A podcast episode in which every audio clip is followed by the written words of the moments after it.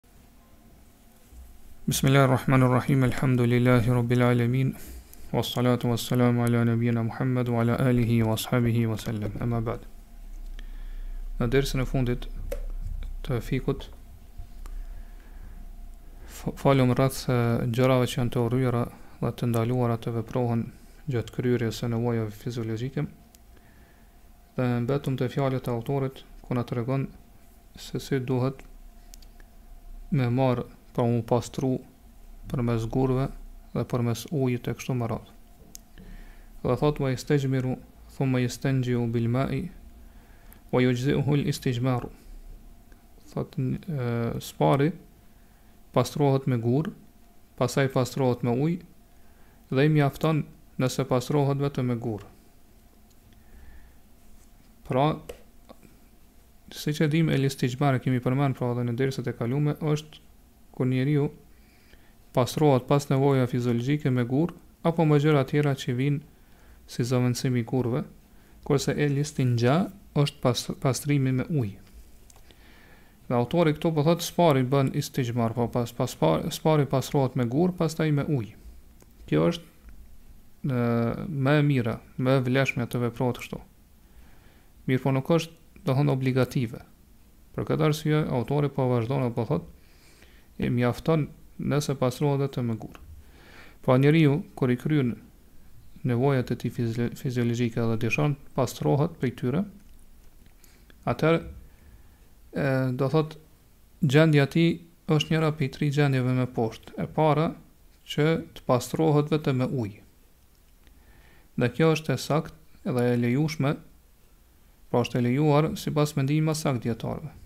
Edhe pse ka ekzistuar në të kaluarën, pra te disa prej selefit, disa prej sahabeve një kundërshtim apo mospajtim i vjetër Pra kur ata e kanë refuzuar ose nuk e kanë pranuar që të pastrohen me ujë.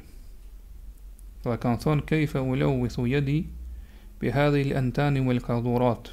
Si ka mundësi që unë të pastrohem me ujë dhe kështu, pra ta bëj të papastër dorën time me këto fëlliqësira, fëlliqësira dhe papastërti. Kjo transmitohet Në Musafin, Musanefin e Ibn Abi Shejbes me Hudhejfen ibn Jemanit edhe Abdullah ibn Zubejrit radijallahu anhuma, pra këto dy sahabi, sahabi të njohur. Mirëpo e sakta është që është e lejuar madje pas kësaj kohe, po pasi që kanë kalu këta koha këtyre dy sahabive, dijetarët kanë vendos ixhma, konsensus që lejohet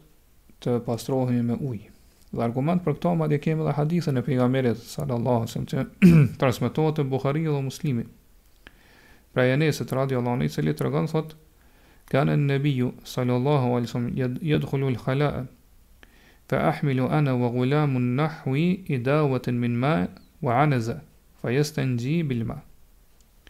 Thotë Pejgamberi salallahu alejhi ue selem kur hynte në nevojtore për me kry nevojat fiziologjike, thotë shkonim unë dhe një djalosh i moshës sime, edhe e bartnim një enë me ujë edhe një shkop.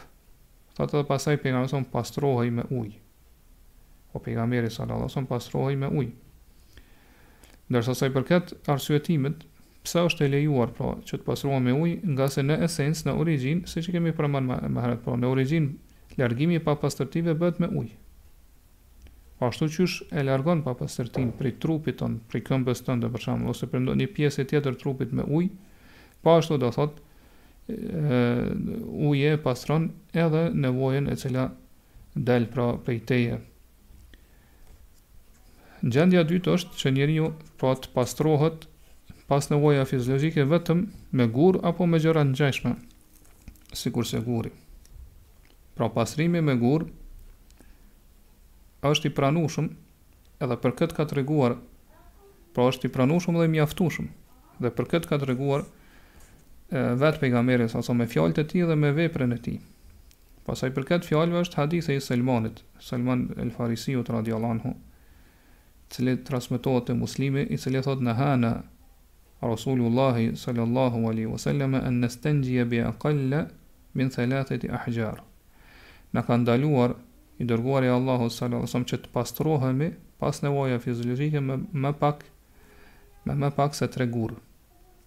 Ndërsa sa i përket veprës apo veprimit të Pejgamberit sallallahu alaihi wasallam është hadithi i Abdullah ibn Mesudit radijallahu anhu i cili tregon se një ditë Pejgamberi sallallahu alaihi wasallam ka shkuar që të kryejë nevojën e madhe, pra nevojën fiziologjike edhe e ka urdhnuar Ibn Mesudin që t'ia sjellë tre gurë. Thotë edhe unë ia kam ia kam sjellur dy gurë edhe një bajgë.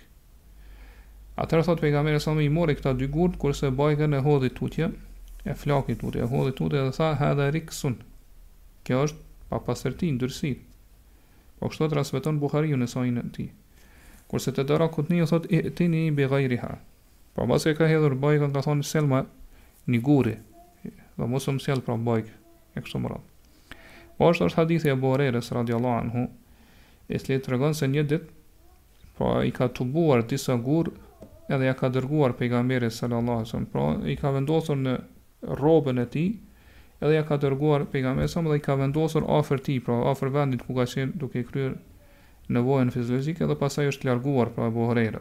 Edhe ky hadith transmetohet te Buhariu. Prandaj kjo tregon se është e lejuar që të pastrohemi pra po, për, vetëm përmes gurëve apo gjërave tjera ngjashme me to, po, kjo mjafton.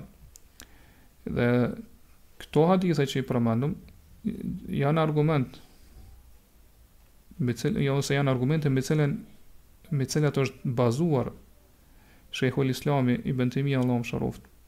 Edhe të tjerë prej dijetarëve të cilët e kanë marrë mendimin e tij dhe kanë argumentuar për mendimin e tij, përmes këtyre argumenteve që i përmendëm më lart që papastërtia, pra ndyrësira largohet me çdo gjë Që e menjanon ose që e asgjeson atë papastërti. Po nëse vendi ku është papastërtia ë bëhet i pastër, atëherë çfarëdo të përdor për largimin e asaj papastërtie, llogaritet që ai vend është pastruar.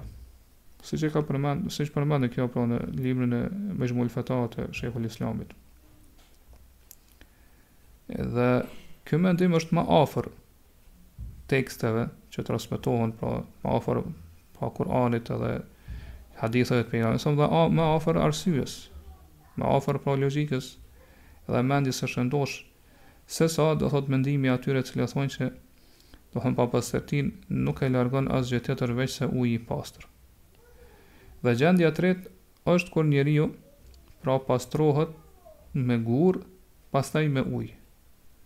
Për këtë nuk nuk dihet ndonjë hadith që është pohuar, së paku Shejh Uthejmin thotë unë nuk di ndonjë hadith që është vërtetuar dhe pohuar prej pejgamberit salallahu alejhi ue selem që ka vepruar kështu. Po që së pari është pastruar me gur pastaj me ujë. Mirëpo nga aspekti i domethënies dhe kuptimit thotë nuk ka dyshim që kjo është më e plotë.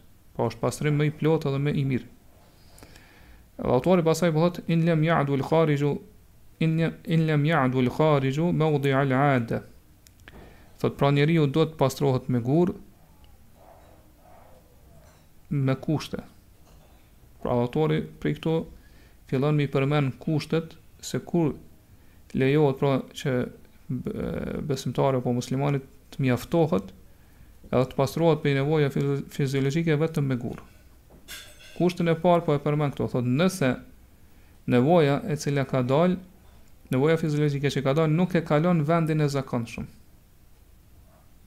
Pra vendi i zakonshëm që është e zakonshme edhe dihet te njerëz që për shembull nevoja për shembull urina nuk e kalon vendin e zakonshëm që është pra koka e organit gjenital.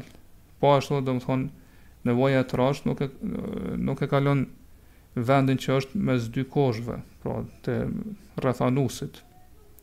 Po vetëm në atë pjesë shpërndahet, jo më shumë. kurse urina duhet të shpërndahet vetëm te koka e organit gjenital e kështu me radhë. Pra, nëse nevoja fiziologjike e kalon vendin e zakonshëm, atëherë këtu nuk mjaftojnë gurët ose nuk mjafton apo duhet vetëm me ujë të pastrohemi. Dhe Shejh Uthejmin thot nuk ka argument për këtë kusht që e ka përmendur autori. Mirëpo thot për këtë mendim argumentohemi përmes arsyetimit ose që quhet ta'lil. Ajo është që nëse mjaftohemi vetëm me gur ose gjëra tjera që janë ngjashme sikurse guri për me largu këtë rast urinën apo ë do thot papastërtinë apo nevojën e trashë kështu me radhë atëherë kjo ka dalë jashtë pra nëse ka nëse ka kalu vendin e zakonshëm Atëherë ka dalë nga ajo që është e ditur, që është e zakonshme. Pra ne e kemi për obligim, për detyrë që të kufizohemi edhe të mjaftohemi, pra kur pastrohemi me gurë vetëm aq në atë pjesën kur është sa është e zakonshme që shpërndahet nevoja fiziologjike. E nëse shtohet, pra nevoja fiziologjike shpërndahet më shumë. Pra nevoja shpërndahet më shumë sesa vendi i zakonshëm, atëherë thotë kthehemi në origjinë, kthehemi në esencë e që është se kjo nuk largohet ndryshe veçse me ujë. Edhe ajo që kuptohet prej fjalëve të autorit, pra kuptimi i jashtëm dhe i dukshëm i tyre është se ë domethënë ajo pje, në rastin kur nevoja fiziologjike shpërndahet më shumë se sa vendi i zakonshëm, ajo pjesa që është shpërnda vetëm, pra që ka, është rreth vendit të zakonshëm, mjafton m'u pastru me gurë, kurse pjesa tjetër, patjetër do të pastrohet me ujë. Pra mundesh atë pjesën që zakonisht do thotë shpërndahet nevoja fiziologjike me pastru vetëm me gurë, kurse pjesa tjetër që u shpërnda më shumë e pastron me ujë. Kurse disa dijetarë të e, medhebit të imam Ahmedit, Allahu e mëshiroftë, thotë që nëse nevoja fiziologjike e kalon vendin e zakonshëm, atëherë nuk lejohet me përdor asgjë tjetër përveç se ujit. Pra duhet vetëm me ujë me pastru gjithë pjesën. ku u shpërnda nevoja fiziologjike. Ngase thonë nëse nuk plotësohet kushti, atëherë çdo gjë që ndërtohet mbi mbi atë kusht është e prishur edhe nuk pranohet. Ndërsa mirëpo Shejh Uthejmini këtu e bën një ndërhyrje ose e sjell një zgjidhje më të mesme, thotë nëse Ajo nevoja fiziologjike ka kalu vendin e zakonshëm, mirëpo jo shumë. Pra ka kalu vetëm pak, për shembull thotë, kur urina shpërndahet në, në kofshën e njeriut. Jo, vërtet thotë nëse e ka kalu shumë, pra nëse nevoja fiziologjike e kalon vendin e zakonshëm shumë, pra përhapet në sasi të madhe, në pjesë të madhe të trupit, jashtë, vendit të zakonshëm, për shembull sikurse që është rasti që m'u shpërnda në kofshën e tij, atëherë thotë në këtë rast mund të themi që nuk mjafton edhe nuk lejohet të përdoret asgjë tjetër veçse ujit. Mirëpo thotë nëse nuk e ka kaluar shumë vendin e zakonshëm, pra vetëm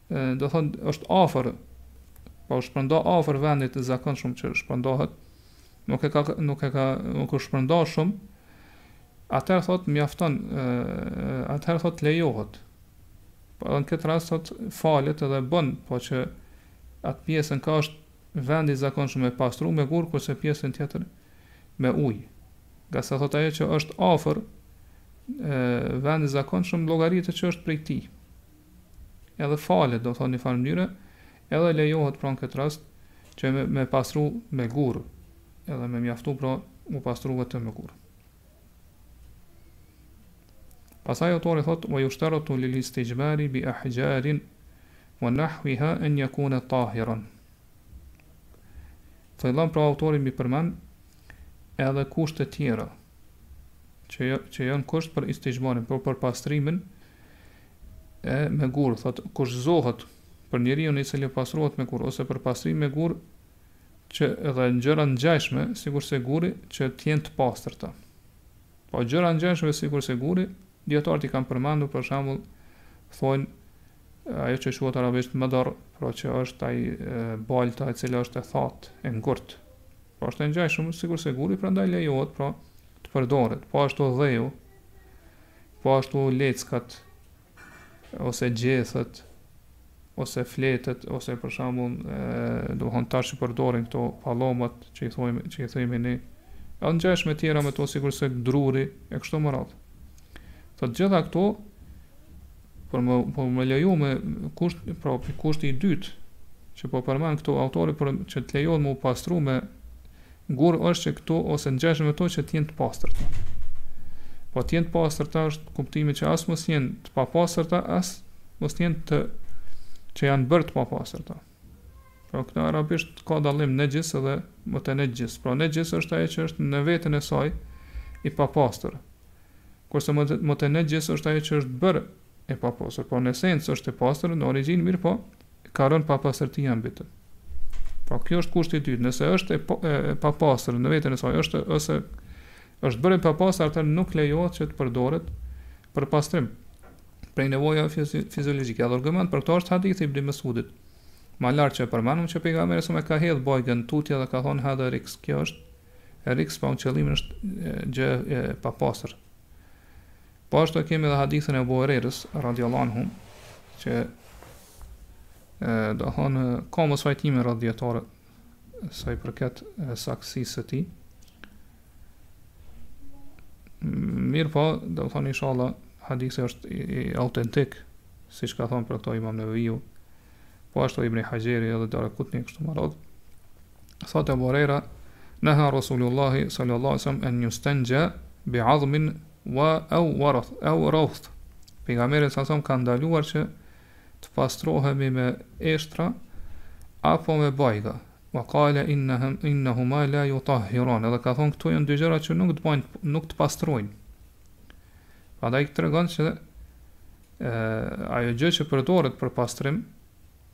Në këtë rast, për istixhmar, pra, patjetër do të jetë i pastër.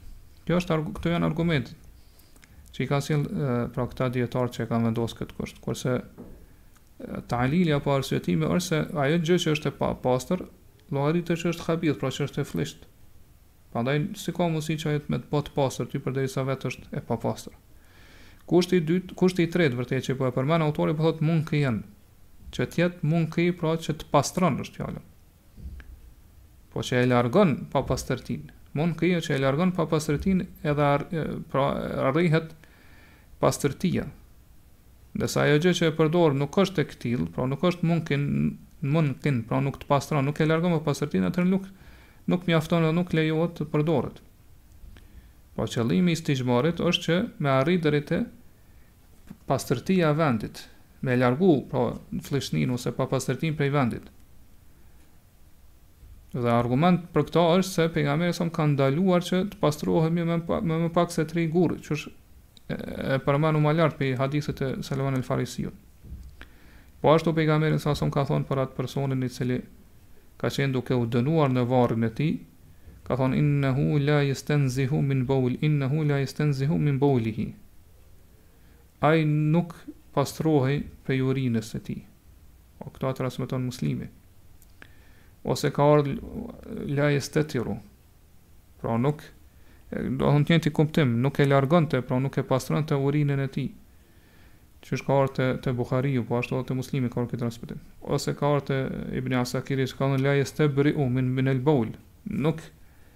Pastrohej, pra nuk e largonte papastërtinë prej trupit të tij.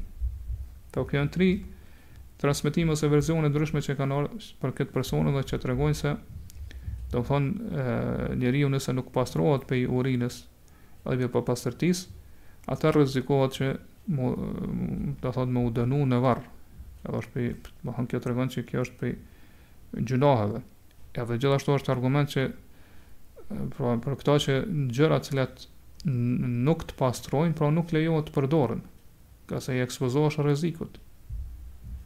Dhe cilat janë ato gjëra që nuk domethënë s' përdoren këtë rast për istixhmar, nuk llogariten që të pastrojnë ose që e largojnë papastërtinë. Disa gjëra domethënë nuk të pastrojnë për shkak se janë të lëmuara. Po janë aq shumë të lëmuara saqë, domethënë, nëse ti i përdor për pastrim ato vetëm ta shpërndajnë dhe ta përhapin edhe më shumë papastërtinë. Ose disa prej tyre janë të njoma, siç janë disa gurë, thotë që janë të njomë apo domethënë disa si balta e ngurtë që e thamë lart, mundet me kanë në formë të të lagur apo që është të njomë, apo ndonjëherë ndodh, do thotë nuk nuk të pastron ngase vendi, do thotë kur ka dalë papastërtia vendi pastaj është tharë aty, Edhe edhe guri apo ajo gjëja tjetër që përdoret nuk e largon atë. Pra ë duhet të jetë edhe guri do thotë i vlefshëm edhe që e pastron vendin ose gjëra të tjera që përdoren sikurse guri, po gjithashtu duhet edhe vendi T'jetë që e pranon pastërtinë, e, pastrimin, pra që e pranon pastrimin, t'jetë i vlefshëm që e pastron, që e pranon pastrimin. Mirëpo nganjëherë vendi nuk është i vlefshëm, për shkak që thamë se thahet papastërtia në raste të caktuara, edhe guri më nuk mjafton atë. Po atë vetëm uji e pastron. Pastaj vazhdon autori thotë gajra adhmin ve reuthin dhe mos t'jetë Asht apo bajgë bajgë mos t'jetë kot ko kockë apo bajgë pra ky është një kusht që është kushti i katërt që po e përmend autori dhe që është kusht mohues pra që nuk dohet të jetë asht ajo gjë që e përdor pra për pastrim për istixhmar nuk dohet të jetë asht apo bajgë Argument për këtë është se qysh e përmendëm më lart pejgamberi sallallahu alaihi wasallam ka ndaluar që të pastrohemi me përmes eshtrave ose kockave apo përmes bajgave, siç erdh pa, e pamë lart te hadithi i Ibn Mesudit, po ashtu hadithi i Ebu Hurejres, i Selmanit, edhe hadithe tjera që transmetohen në këtë temë. Pra pi, pi shokëve, për shembull është hadithi i Ruajfi që transmetohen pi shokëve të pejgamberit sa sa për këtë hadithe radiallahu anhum. Mirëpo cili është arsyetimi pse nuk lejohet? Ngase nëse ashti i cili përdoret për pastrim prej nevoje fiziologjike është prej një kafshe e cila është therrur në pra që lejohet të therret edhe është therrur në formë të ligjshme sheriatike, atëherë pejgamberi salallahu alejhi ve selem ka treguar dhe ka sqaruar se ky është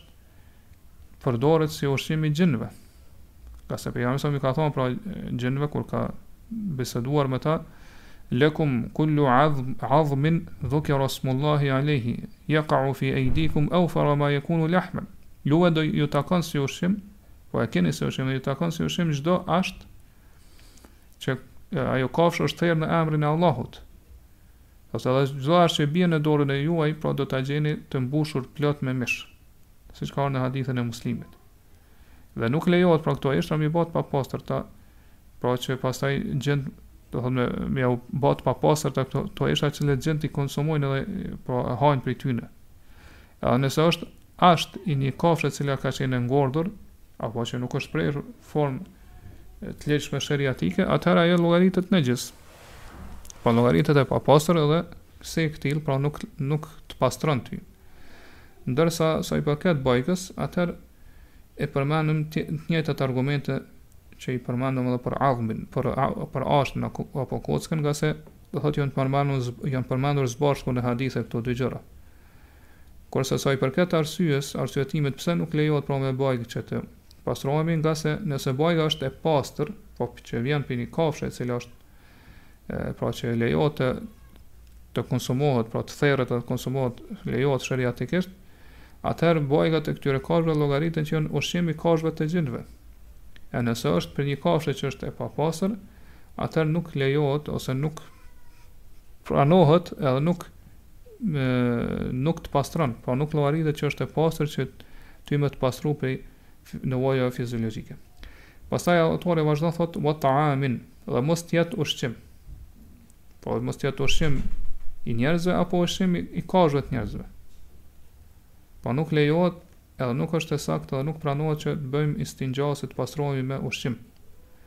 Argument, argumenti për këtë është ai që e përmendëm më lart që Pejgamberi salallahu alejhi ve selem ka ndaluar që të pastrohemi me eshtra ose kocka apo bajga. Edhe ka thonë që këto janë ushqim i xhinëve, po eshtrat edhe ushqim i kafshëve të xhinëve siç është sqarum, pra bajgat. Dhe padyshim që njeriu është më i respektuar, më i nderuar, më i vlefshëm se sa xhinët. Prandaj themi që është më parësore që të jetë e ndaluar që të bëjmë istixhmar, pra të pastrohemi me ushqimin e njerëzve apo me ushqimin e kafshëve të njerëzve. Përderisa kjo është përderisa është e ndaluar që të ushqehemi, që të pastrohemi me ushqimin e xhinëve dhe kafshëve të tyre, edhe ushqimin e kafshëve të tyre, atëherë më parësore është të themi që pra të jetë e ndaluar që të pastrohemi me ushqimin e njerëzve, ushqimin e kafshëve të tyre. Pastaj kjo ka edhe një gjë tjetër që e bën të ndaluar, po një aspekt tjetër që tregon se është e rrezikshme apo është e ndaluar që të pastrohemi me me ushqim. E që është mohimi i nimetit, dhuntive dhe mirësive të Allahut subhanahu wa taala. Ngase Allahu subhanahu wa taala ushqimin e ka krijuar që ne ta hajmë, ta konsumojmë. Nuk e ka krijuar pra ushqimin që ne ta nënçmojmë në këtë formë, pra që të pastrohemi me të. Prandaj çdo ushqim që është i bijve të Ademit, pra i njerëzve, po apo i kafshëve të tyre është haram, është e ndaluar që të pastro, të pastrohemi me të prej nevojave fiziologjike. Dhe ajo që kuptohet prej fjalëve të autorit, kuptimi i dukshëm edhe i jashtëm i tyre është që nuk lejohet me ushqim qoftë edhe nëse ato janë thërmia, apo copa, kore të bukës e kështu me radhë, nuk lejohet që të pastrohemi me to. Pastaj thotë, po vazhdon autori wa muhtaramin dhe nuk lejohet që të jetë një gjë që është e respektuar. Pra muhtaram llogaritet çdo gjë që është që në, ka një lloj shenjtërie në në fe, po që respektohet, po që feja e respekton e madhron ato. Siç janë për shembull librat e dijes fetare,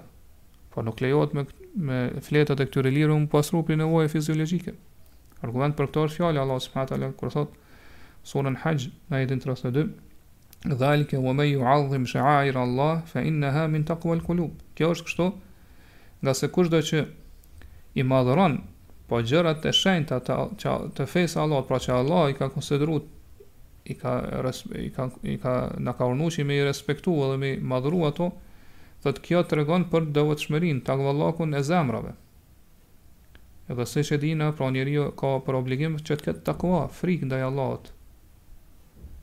Për këtë arsye pra nuk i lejohet njeriu që të pastrohet me një gjë që është muhtaram, pra që respektohet edhe madhrohet në fenë e Allahut subhanahu wa taala.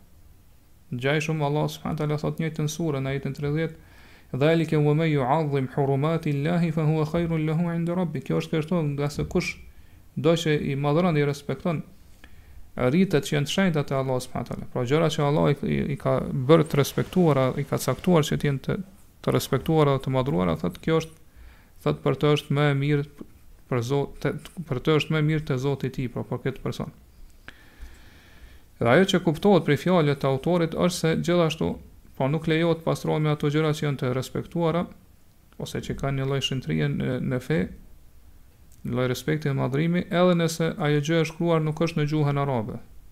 Pra derisa ajo flet rreth një teme, që është temë e cila respektohet edhe nderohet, atë nuk lejohet që të pastrohemi me të prej nevojave fiziologjike, edhe nëse është në gjuhë tjera dhe jo në gjuhën arabe.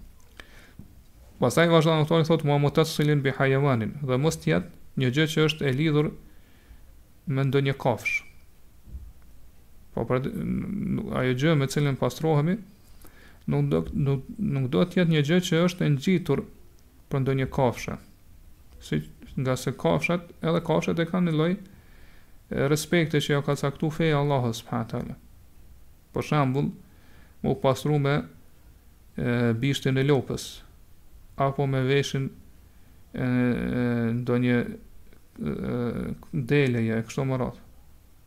Ngase siç e pamë lart, pra edhe me ushqimin e kafshëve është e ndaluar që të pastrohemi.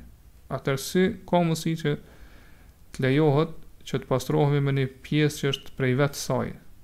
Po prej vetë kafshës. Po kjo është më parësore që të ndalohet. Mirëpo nëse këtu dikush e parashtron një pyetje thotë prej kësaj a kuptohet medoemos prej këtij arsyetimi që e dhatë që gjithashtu nuk lejohet me ba istinxha me ujë, pra mu pastru me ujë, pra njeriu me dorën e tij. Ngase dora e njeriut po direkt e prek papastërtinë. Pra derisa nuk po lejohet me një pjesë të kafshës që është e ngjitur për kafshës, atëherë thuhet e njëjta edhe për njeriu.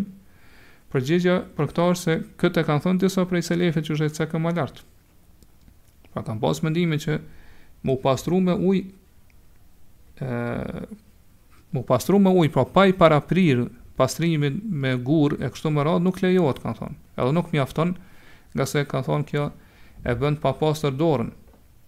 Mirëpo, që siç e shpjeguam më lart, ky mendim është shumë i dobët dhe e kundërshtojnë hadithet e sakta, të qarta prej pejgamberit salallahu alejhi ue selem që ai vet është pastruar me ujë dhe u ka mjaftuar me do thot është kufizuar dhe ka mjaftuar vetëm do thot gjatë pastrimit vetëm me përdorimin e ujit.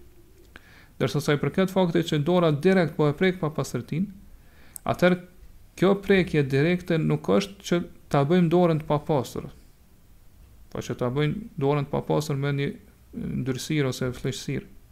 Mirëpo qëllimi është që me largu atë papastërti. Do thotë që të largohet, ta largojmë prej vetes atë papastërti dhe të bëhemi të pastër.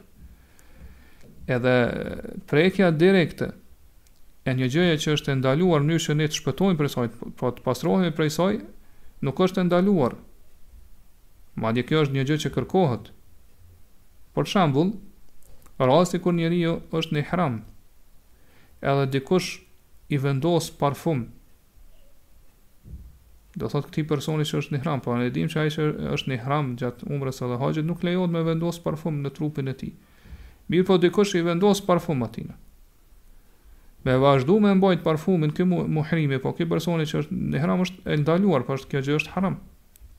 Pra ka obligim për me ka obligim me largu atë parfumin prej trupit të tij. Prandaj nuk ka kurfarë ndalese nuk ka të keqe që ai direkt me prek parfumin gjatë pastrimit në mënyrë që me largu, pra me qëllim që me largu.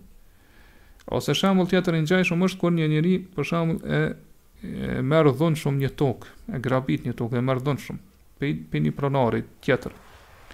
Edhe fillon të shetitet nëpër tokën të cilën e ka grabitur ose e ka marrë dhunshëm, e ka uzurpuar. Edhe gjatë shetitjes nëpër këtë tokë i kujtohet dënimi i Allahut subhanahu wa taala për këtë gjë pra që kjo është ndaluar dhe ka dënim të madh ditën e kiametit. edhe pendohet te Allahu subhanahu wa taala në atë moment në ato çaste pendohet me një pendim të sinqertë dhe siç e dimë prej kushteve të pendimit që të pranohet te Allahu subhanahu wa taala është që njeriu menjëherë me heq dorë prej mëkatit me u largu prej mëkatit Kështu që ai kur të kalon edhe t'ec nëpër këtë tokë, mënyrë që me dal prej sajna, që me heq dorë prej mëkatit, nuk ka kurfar gjunahit te Allahu subhanahu Ngase qëllimi është që të pastrohet dhe të largohet prej prej këtij harami, prej kësaj toke që e ka marrë në mënyrë të paligjshme. Prandaj themi që me me prek ose me me pas qasjen në një gjë të ndaluar direkt në mënyrë që do thot mu mu pastru, mu largu prej saj, pasi që nuk ka mundësi tjetër, atëherë njeriu nuk ka mëkat këtu.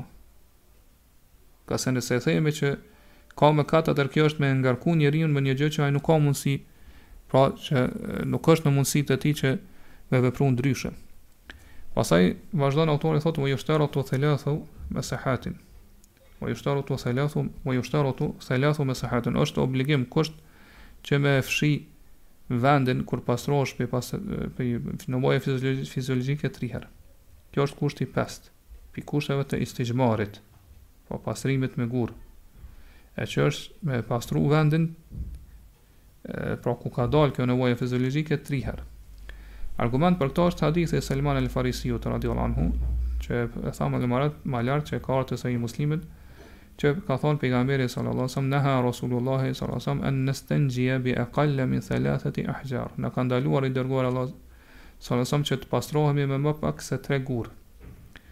Arsyeja për pse pejgamberi ka urdhnu që të jenë tre gurë është në mënyrë që njeriu pra mos me përsërit pastrimin ose fshirjen, mos me përsërit më shumë se sa një herë. ngase pra mos me përsërit fshirjen e vendit me një gurë ose me një pjesë të gurit, me një me do thonë me një sipërfaqe të gurit më shumë se sa një herë. Ngase nëse e përsërit më shumë, atëherë kjo nuk përfiton. Përkundrazi ka mundësi do me thonë që do thotë të bëhet edhe më shumë të përhapet papastërtia. Pastaj po thotë munkijatin Edhe këto tri fshirje duhet të jenë që qysh e tha më lart munkije, do të thon me largu papastërtinë, me pastru vendin. Ky është kushti i gjashtë. Qysh llogaritet që e, do thon guri po e pastron vendin, po po e largon papastërtinë, po e lën vendin t'pastër është që guri kur të kthehet Me u kthy i thatë, jo i njomë, ose i lagur. Apo do thotë me mbetë një gjurmë aty, po gjurmë të vogla që nuk, po guri e pastron, mirëpo mbesin disa gjurmë të vogla që nuk i largon veçse uji. Kjo llogaritet që do të thonë ai gu ata ato tri fshirje e kanë pastruar vendin, munkije, pra e kanë bërë t'pastër vendin, e kanë larguar papastërtinë që është e mjaftueshme, llogaritet i pastër. Fe ekthere, thot, ose më shumë. Pra duhet të jenë tri fshirje, e nëse tri fshirje nuk mjaftojnë, atëherë duhet me i shtu më shumë. Disa dijetarë kanë pas mendimin që nëse vendi pastrohet, me më pak se tri herë mjafton. Siç e përmend këtë Ibn Kudame në Mugni apo Neveviu në Mexhmu e kështu me radhë. Ngase kanë thonë, dispozita vërtitet me shkakun e saj. Pra nëse ekziston shkaku, ekziston dispozita. Nëse nuk ekziston shkaku arsyeja, nuk ekziston as dispozita, as dispozita. Mirëpo kë kët mendim qysh e pamë edhe më lart, ky mendim refuzohet dhe kundërshtohet prej vet fjalëve të pejgamberit sa sa i cili e ka ndaluar që të pastrohemi me pak se tre gurë. Dhe përderisa pejgamberi sa e ka ndaluar atëherë kjo tregon se është obligim që ne mos me vepru ose mos me rënë në një mos me rënë me rënë në një gjë, të cilën e ka ndaluar pejgamberi sa sa. Gjithashtu zakonisht pra pastrimi i vendit nuk bëhet me më shumë me më pak se 3 gur. Dhe në anën tjetër do thot numri 3 është një sasi që feja Allahu subhanahu teala pra sheriati në shumë raste i ka bazuar se i kanë ndërtuar disa shumicën prej dispozitave. Pastaj autori thotë walau bi hajarin dhi shu'abin, edhe nëse pastrohet me një gur i cili ka disa kënde.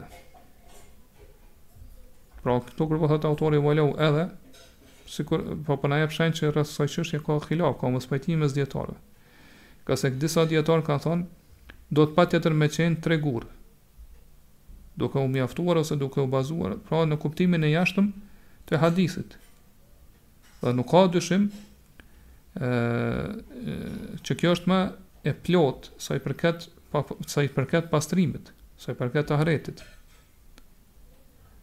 Gjithashtu, do thotë ky guri i cili ka për shembull tri anë ose katër anë, pra i ka disa kënde, ka mundësi që në njërën prej këtyre anëve kur njeriu pra e fshin edhe pastron vendin, pra e fërkon vendin edhe pastron, pra njëra prej këtyre anëve pra kur e pastron herën e parë, me mbet diçka prej papastërtisë. Edhe ai nuk e din.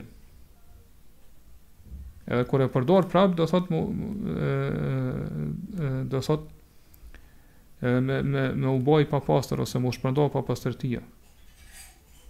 Mirëpo, ata dijetarë të cilët e kanë shikuar nga aspekti i kuptimit domethënies, pse pejgamberi sa sam na ka urdhëruar, po mi përdor tre gurë, Kanë thënë edhe, guri i cili ka tri anë, ose ka ma shumë anë, pra i ka disa pra kënde e kështu me radhë, është njëjtë sikurse mi përdor tre gurë. Mirëpo me kusht, pra e kam përmend që këto tri anë mos të jenë të ndërlidhura, të ndërthurura me njëra-tjetrën. Në mënyrë që nëse e fërkon me njërin prej këtyre këndeve ose njërën prej këtyre pjesëve anëve të gurit që pastaj papastërtia me u lidh edhe do të thotë me kalu edhe te këndi tjetër. Dhe shejh Uthejmini thotë ky është mendimi më i saktë në këtë çështje, ngase thotë arsyeja është e njohur. Pse na ka urdhnu pejgamberi sa sa mi përdor tre gurë, Prandaj thotë nëse guri ka tri anë ose tri kënde, edhe njeriu pra pastrohet me njërin me njërin prej këtyre, pra me secilën prej këtyre anëve, atëherë është e saktë, është i saktë veprimi i tij dhe është i pranuar. Disa dietarë thonë pejgamberi sa sam na ka urdhëruar që mi përdor tre gurë në mënyrë që secili gur të jetë për një anë. Për shembull, për një anë të trupit kur pastrohesh prej papastërtisë, pra kur e kryen për shembull nevojën e trashë.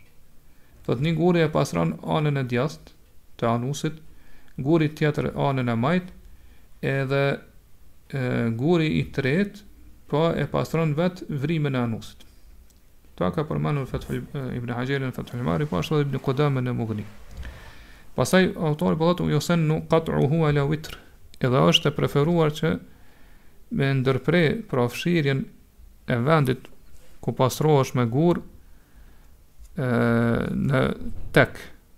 Po qëllimi është në numrin tek. Po nëse ti për shembull është dashur me përdor 4 herë, 4 gur, atëherë shtoj edhe një bëne 5. Nëse nuk nëse është dashur me pastru vendin me 6 gur, atëherë shtoj edhe një bëne bëne 7. Po është e preferuar që me u ndal në numrin tek. Dhe argument për këtë është hadithi që është transmetuar në dy sahihat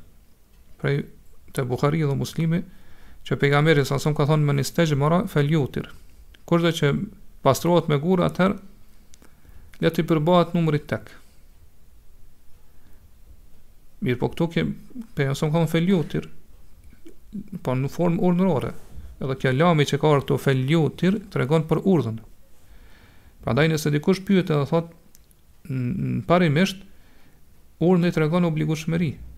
Atëherë kjo tregon se është obligim që t'i përmbahemi numrit tek kur pastrohemi me gurë. Përgjigja është që do thotë kjo parimisht kjo është e saktë.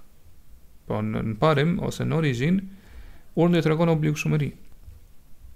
Andaj nëse e, për qëllim është me iu përmbajt numrit tek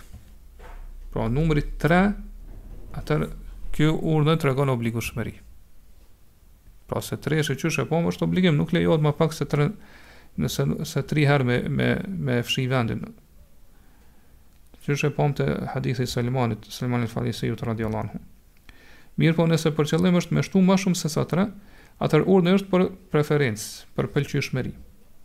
Dhe argument për këtë është hadithi që transmetohet te Imam Ahmedi, Abu Dawudi, Ibn Majah, edhe te Ibn Hibani edhe të tjerë, që ka thënë men istejmara fel yutir,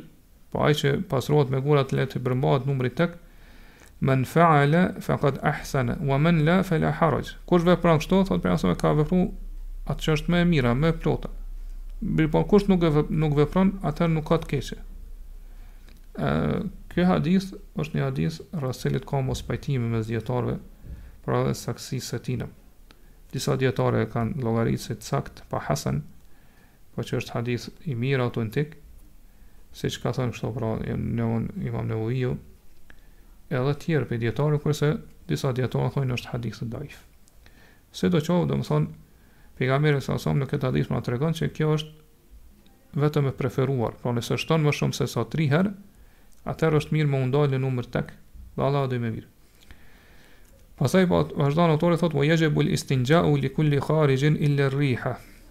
Është obligim me u pastru për çdo gjë që del përveç gazrave.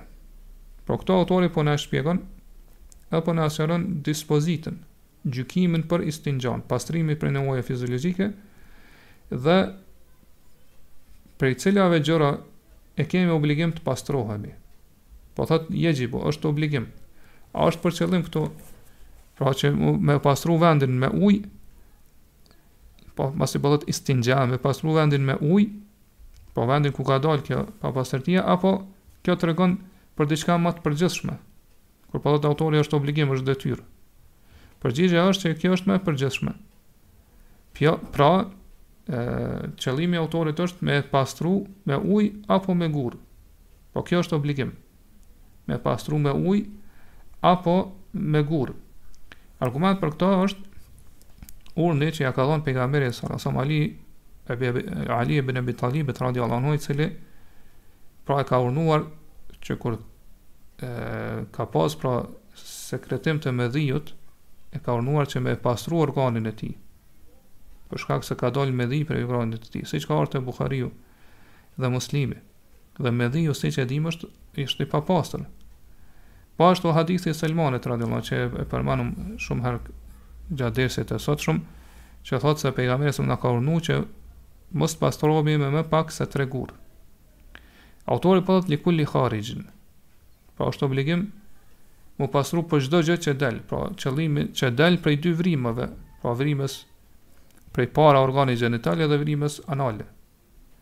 Mirëpo pi kësaj, po përjashtohet pra vetëm gazrat, po thot illa rrih, pra autori po përjashton vetëm gazrat.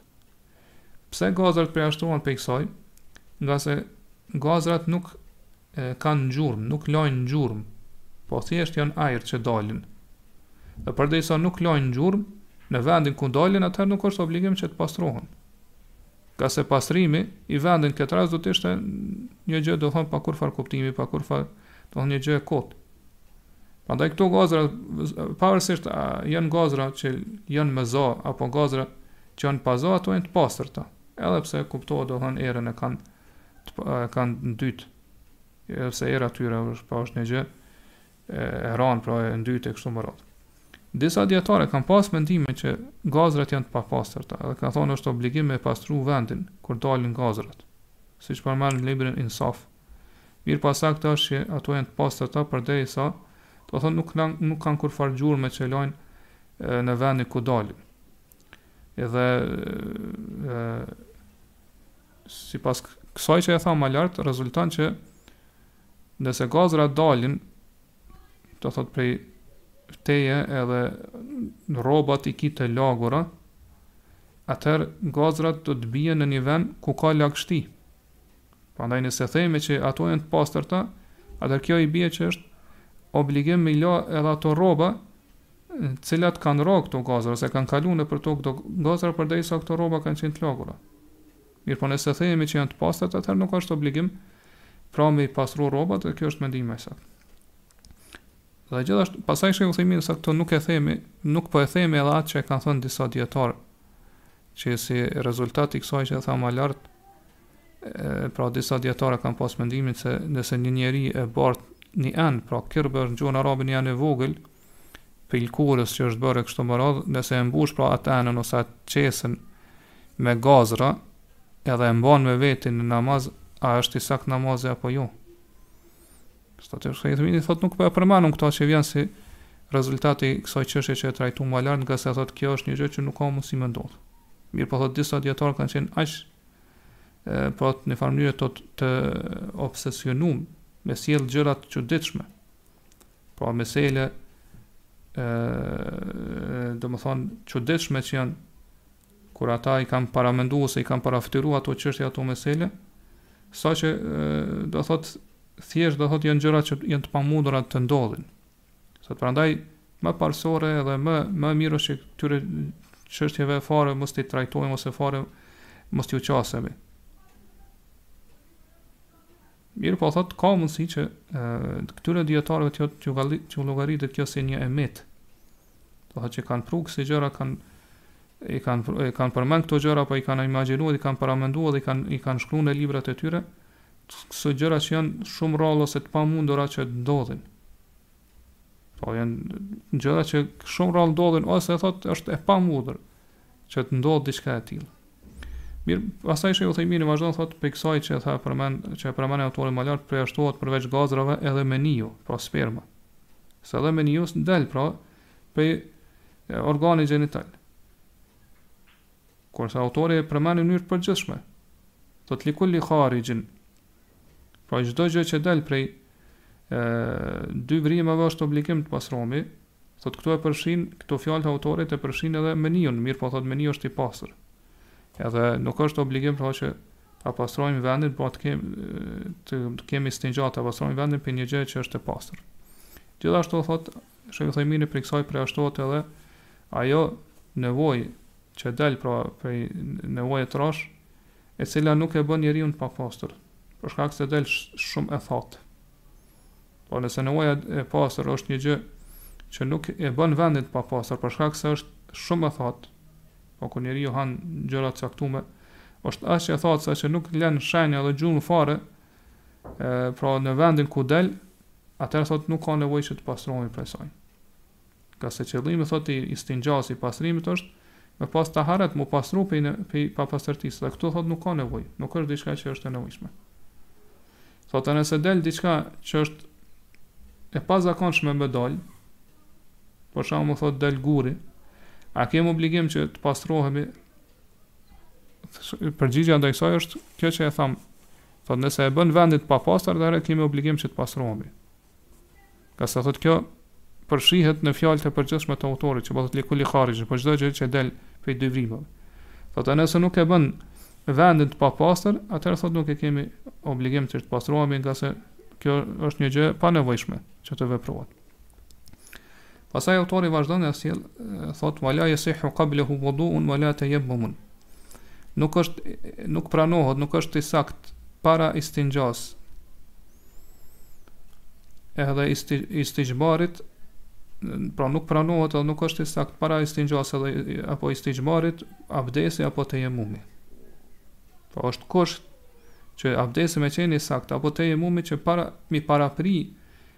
Istinxhaja, pra mu pastru me ujë apo istixhmari, mu pastru me gurë. Argument për këtë, këta dijetarë e kanë përmend veprën e pejgamberit salallahu alejhi ve selem i cili pra i ka parapri abdesit me istixhmar, siç ka ardhur në hadithin e Enesit që transmetohet te Buhariu, që e përmendëm më lart. Pra që thot pejgamberi salallahu alejhi ve selem kur ka hyrë në nevojtore, thot unë edhe një djalosh i moshës sime i kemi e kemi bartur me veti Pra një enë me ujë edhe shkopin. Thotë edhe pejgamberi salallahu alejhi ve selem merrte ose pastrohej me ujë. Dhe cila është arsyeja që këta e kanë bartur këtë enën me ujë edhe po ashtu këtë shkopin? Pra dijetarët e kanë përmendur siç e kanë përmendur këto Ibn Haxheri, edhe ka thonë kjo është shpjegimi më më i afërt ose më shpjegimi më më i dukshëm që ka thënë pejgamberi salallahu alejhi ve selem pra masi ka marr ujë, ka marr ka u pastru me ujë, ka marr abdes. Edhe kur ka marr abdes u fal. Për këtë arsye ka pas nevojë me pas kët shkopin me vete që me e vendos si sutrë. Ibn Haxher e thot hadha adhhar al awjuh. Kjo është pra mënyra më e mirë ose më e dukshme e shpjegimit të këtij hadithi që e kanë dhënë dijetarët. Dhe kështu e ka kuptuar dhe Buhariu, Allahu e mëshiroftë kur e ka sjellë këtë e këtë hadith në mesin e haditheve që flasin për istixhmarin dhe istinxhan. Ngase do thot nuk ka nuk ka pas arsye tjetër pse pejgamberi me bart me vete shkopin, ngase shkopi siç e dim, pra nuk nuk mjafton që me me u mbulu ose me u fsheh pas tij për kryerjen e nevojës fiziologjike. Sidoqoftë këta dijetarë e kanë marrë këtë hadith si argument që pejgamberi salallahu alejhi ve selem i ka parapri abdesit me istixhmar ose istinxha. Mirëpo këtu vjen çështja se vetë veprim, veç veprimi i pejgamberit salallahu alejhi ve selem po a llogarit a tregon për obligueshmëri apo jo. E sakta te dijetarët është se vetëm veprimi i pejgamberit nuk nuk kërkon ose nuk tregon se që kjo është gjë është e obligueshme. përveç në rastet kur ai veprim ka ardhur si shpjegim, si sqarim i ndonjë fjale të përgjithshme, të përmbledhur të Pejgamberit salallahu alejhi ve selem që tregon për obligueshmëri vetë fjala. Atëherë edhe veprimi tregon obligueshmëri. Pasi ka ardhur pra është bazuar me një, me një tekst apo hadith i cili është i sqaruar, po ka ardhur për me sqaruar atë hadith ose atë tekst. Mirëpo vetëm veprimi prej Pejgamberit, atëherë e sakta është që veprimi tregon për pëlqyeshmëri, për preferencë, jo për obligueshmëri. Mirëpo fukahat e medhhebit Hambeli gjithashtu kanë argumentuar që kjo gjë është obligative me fjalën e pejgamberit a.s. kur e ka urdhëruar Aliun, pra që është për m'u pastru prej medhiut ka thonë yaghsilu dhakarahu wa yatawadda, le ta pastrojë organin e tij, pastaj le të marr dhe le të marr abdes. Le ta le ta pastron organin e tij dhe le të marr abdes. Thonë këtu pejgamberi a.s. ka ka përmend së pari pastrimin e organit gjenital pastaj marrjen e abdesit dhe në origjin pra në parim ajo që përmendet e para ajo duhet të veprohet e para Është obligim.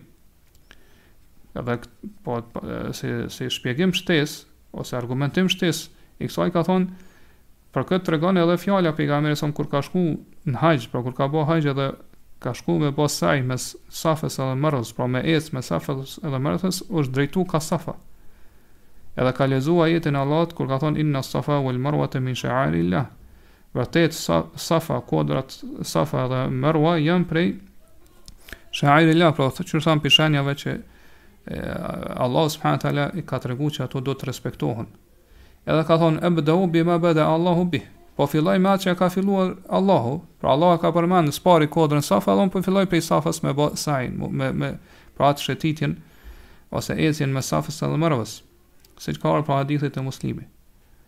Mirëpo, ky transmetimi që ka ardhur te Muslimi kundërshtohet pra që që ke fjala për Aliun radhiyallahu anhu që pejgamberi a.s. e ka urdhëruar së pari me la organin gjenital pastaj me marr abdes, kët që ka ardhur te Muslimi kët trans kët transmetim e kundërshton transmetimi tjetër që ka ardhur te Buhariu gjithashtu edhe te Muslimi, Që pejgamberi a.s. ka thonë tawadda, wandah farxhek.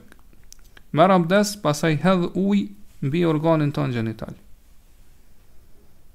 Pra, e, e, kuptimi i jashtëm i këtyre haditheve, bjen ndesh me njëri tjetërin. Ngase në njërin hadith, së pari po përmendet një gjë, që në hadithin tjetër po përmendet i fundit. E, do të thotë edhe në hadithin tjetër, po përmendet gjëja e para e që po përmendet e fundit në hadithin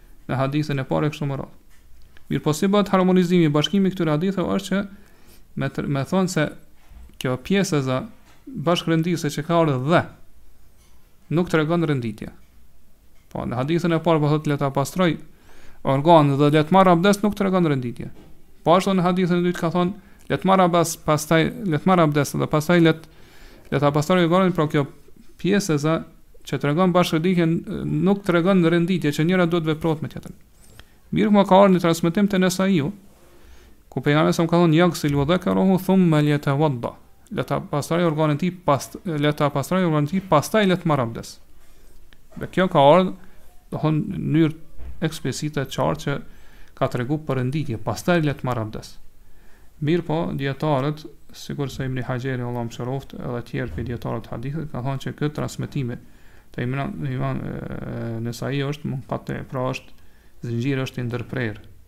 E kur ka ndërprerje në zinxhir, atëherë kjo e dobëson hadithin, pra e tregon se hadithi është i dobët dhe nuk lejohet të argumentohet me të. Për këtë arsye, prej Imam Ahmedit Allahu e mëshiroftë në këtë çështje janë transmetuar janë përcjell dy mendime. E para është që abdesi nuk është i saktë